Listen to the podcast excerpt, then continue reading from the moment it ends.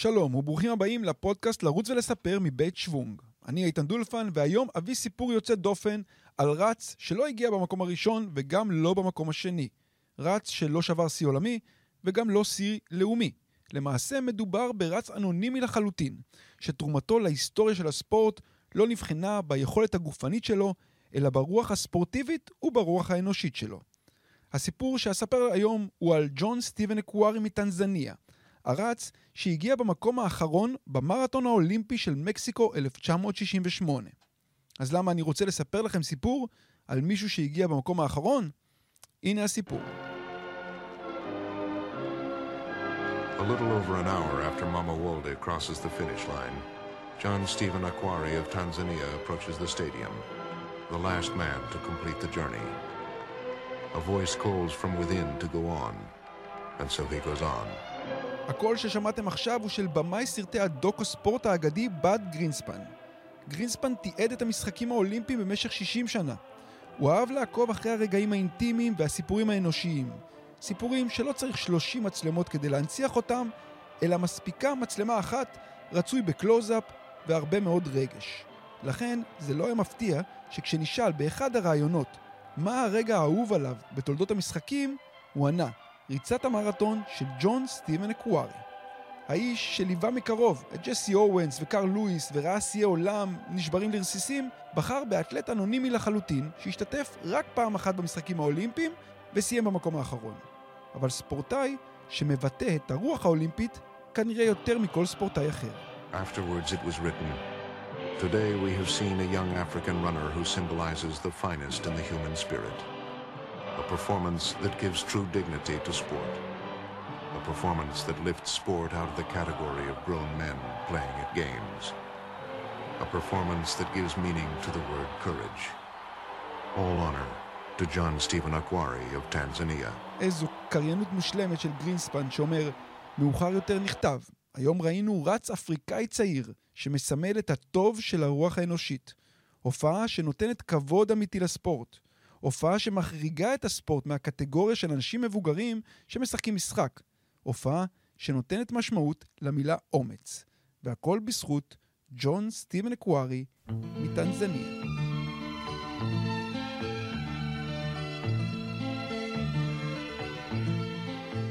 שוב שלום וברוכים הבאים לפודקאסט לרוץ ולספר מבית שוונג. בכל פרק אביא לכם סיפור על ריצה. ריצה היא אף פעם לא רק ריצה, ואם האזנתם לשלושת הפרקים הראשונים, אז אני מקווה שאתם כבר יודעים. לכל ריצה יש את הסיפור שלה וההיסטוריה שלה והמורשת שלה, והריצה הזאת של ג'ון סטיבן אקוארי היא אחד מסיפורי הריצה האהובים עליי באופן אישי. המסר שלה גדול, הוא משמעותי, הוא מרגש יותר מכל ניצחון. המסר שלה פשוט, אל תוותרו. לפני שנצלול לתוך המרתון האולימפי של מקסיקו, הנה קצת רקע על המשחקים האולימפיים של מקסיקו 1968. הרבה דברים קרו בפעם הראשונה בהיסטוריה במשחקים במקסיקו. הדבר הראשון הוא שזאת הייתה הפעם הראשונה שהמשחקים האולימפיים נערכו בדרום אמריקה. מקסיקו סיטי, שנמצאת בגובה 2,200 מטר, היא העיר הגבוהה ביותר שאירחה את המשחקים האולימפיים. לגובה של מקסיקו סיטי ולאוויר הדליל שבעיר הבירה הייתה השפעה רבה על המשחקים ועל התוצאות שהושגו שם. בכל מה שקשור לריצה למרחקים קצרים ולתחרויות השדה, האוויר הדליל עזר לשיפור התוצאות. בסך הכל נשברו שם 15 שיאי עולם ועוד 11 שיאים אולימפיים. בו בימון לדוגמה קפץ למרחק של 8 מטר ו-90 סנטימטר. הוא שבר את שיא העולם בלא פחות מ-55 סנטימטר. ג'ים היינס שבר את שיא העולם ב-100 מטר. ועוד ועוד ועוד. אבל למרחק המרתון הייתה לאוויר הדליל השפעה שלילית, בעיקר לרצים שלא היו רגילים לרוץ בגבהים האלה. עוד הרבה דברים קרו במשחקים האולימפיים האלה בפעם הראשונה. זאת הייתה הפעם הראשונה שאישה הדליקה את הלפיד האולימפי. זאת הייתה הפעם הראשונה שנערכו בדיקות סמים לספורטאים. זאת הייתה הפעם הראשונה שרץ ירד מ-10 שניות ב-100 מטר. זאת הייתה הפעם הראשונה שאתלט זוכה בפעם הרביעית ברציפות במדליית זהב. וזאת הייתה הפעם הראשונה שמחאה פוליטית זוכה להד תקשורתי בינלאומי והספורטאים המוחים משלמים מחיר כבד מאוד. טומי סמית וג'ון קרלוס שסיימו במקום הראשון והשלישי בריצת ה-200 מטר, הביעו את מחאתם על הפודיום והפגינו למען שוויון הזדמנויות לאזרחים האפרו-אמריקאים בארצות הברית. שניהם סולקו מהמשחקים בגלל המחאה הזאת, ובטח נקדיש עוד פרק שלם לשני הגיבורים הללו, שכאמור שילמו מחיר מאוד כבד עבור מחאתם. ועוד משהו שקרה במשחקים האלה בפעם הראשונה הוא שטנזניה נכנסה למעגל המשחקים. טנזניה הייתה מדינה חדשה שאיחדה את טנגניקה וזנזיבר, והיא נוסדה רק ב-1964. ארבע שנים אחר כך, היא שלחה למשחקים האולימפיים במקסיקו ארבעה ספורטאים. רץ המרתון ג'ון סטיבן אקווארי היה אחד מהם. ב-20 באוקטובר 1968, בשעה שלוש, עמדו על קו הזינוק של המרתון האולימפי במקסיקו 75 רצים מ-41 מדינות. הם עמדו לפני אתגר קשה במיוחד נוכח האוויר הדליל של מקסיקו והחום של אותו היום שהגיע עד 23 מעלות. על קו הזינוק של המרתון, אקווארי פגש את הרץ האתיופי האגדי, הבבה ביקילה, שלניצחון שלו הקדשנו את הפרק השני של לרוץ ולספר. במקסיקו היה על שני הרצים האלה לחץ. ביקילה כבר זכה בזהב בשתי אולימפיאדות, ברומא ובטוקיו. הוא רצה לפרוש בסיום המשחקים במקסיקו עם זהב נוסף. על אקווארי היה לחץ אחר. הוא ייצג 40 מיליון תושבים של המדינה ממזרח אפריקה.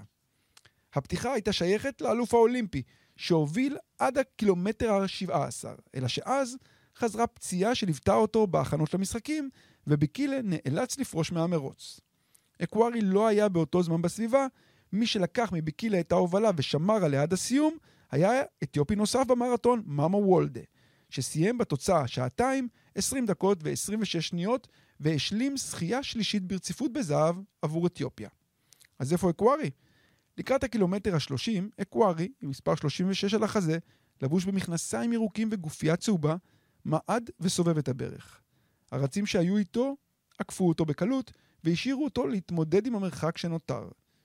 אקווארי ראה 17 רצים נוספים, נשברים ולא מסיימים את המרתון של מקסיקו.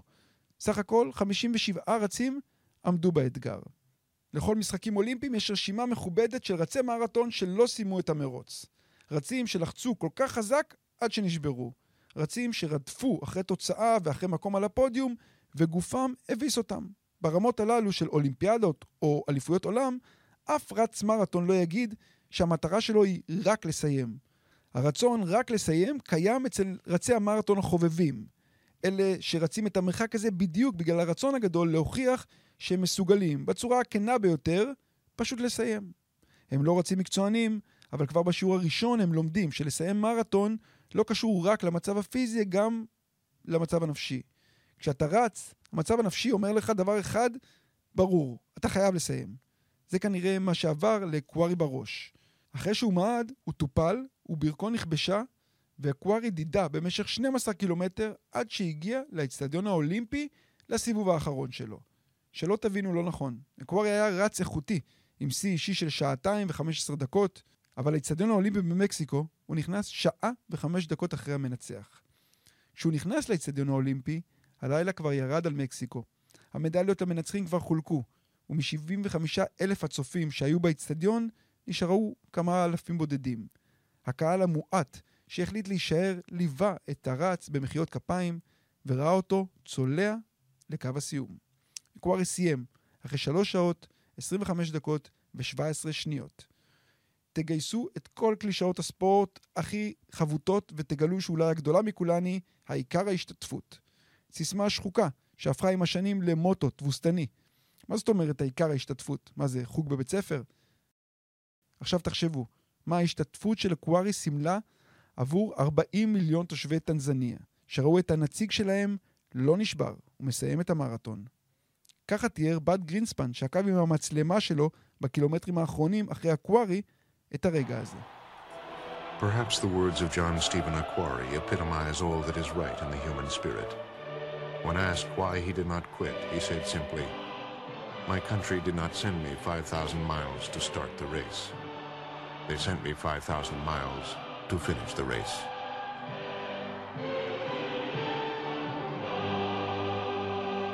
המשפט הזה של אקווארי מבטא בצורה המזוקקת ביותר את הרוח האולימפית. המדינה שלי לא שלחה אותי 5,000 מיילים כדי להתחיל את המרוץ, אלא היא שלחה אותי 5,000 מיילים כדי לסיים את המרוץ.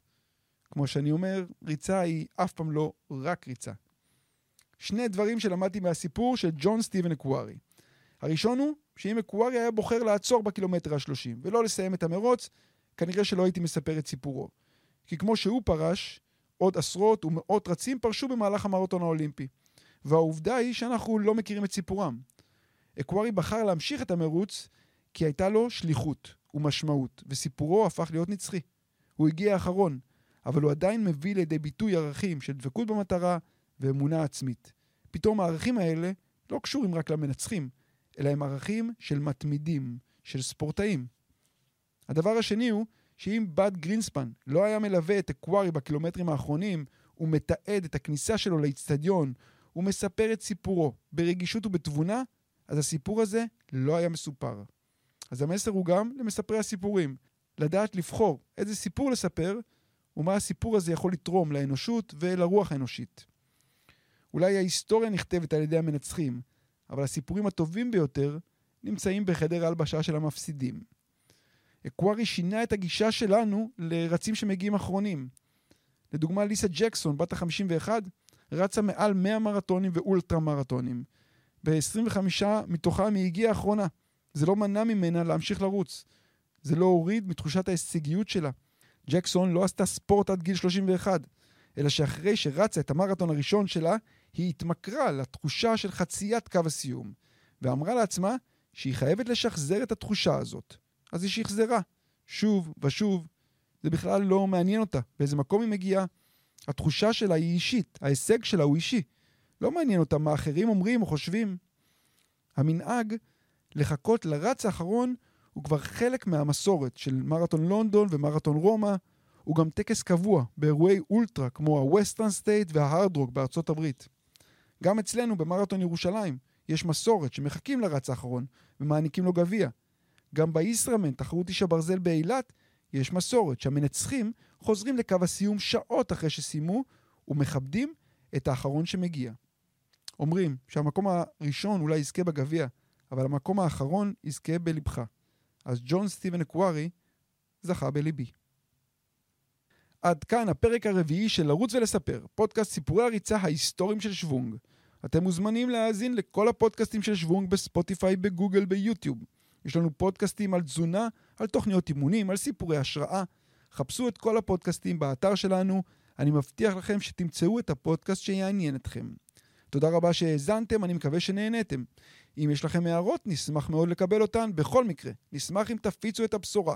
שתפו את הפרק עם החברים שלכם, רוצו לספר.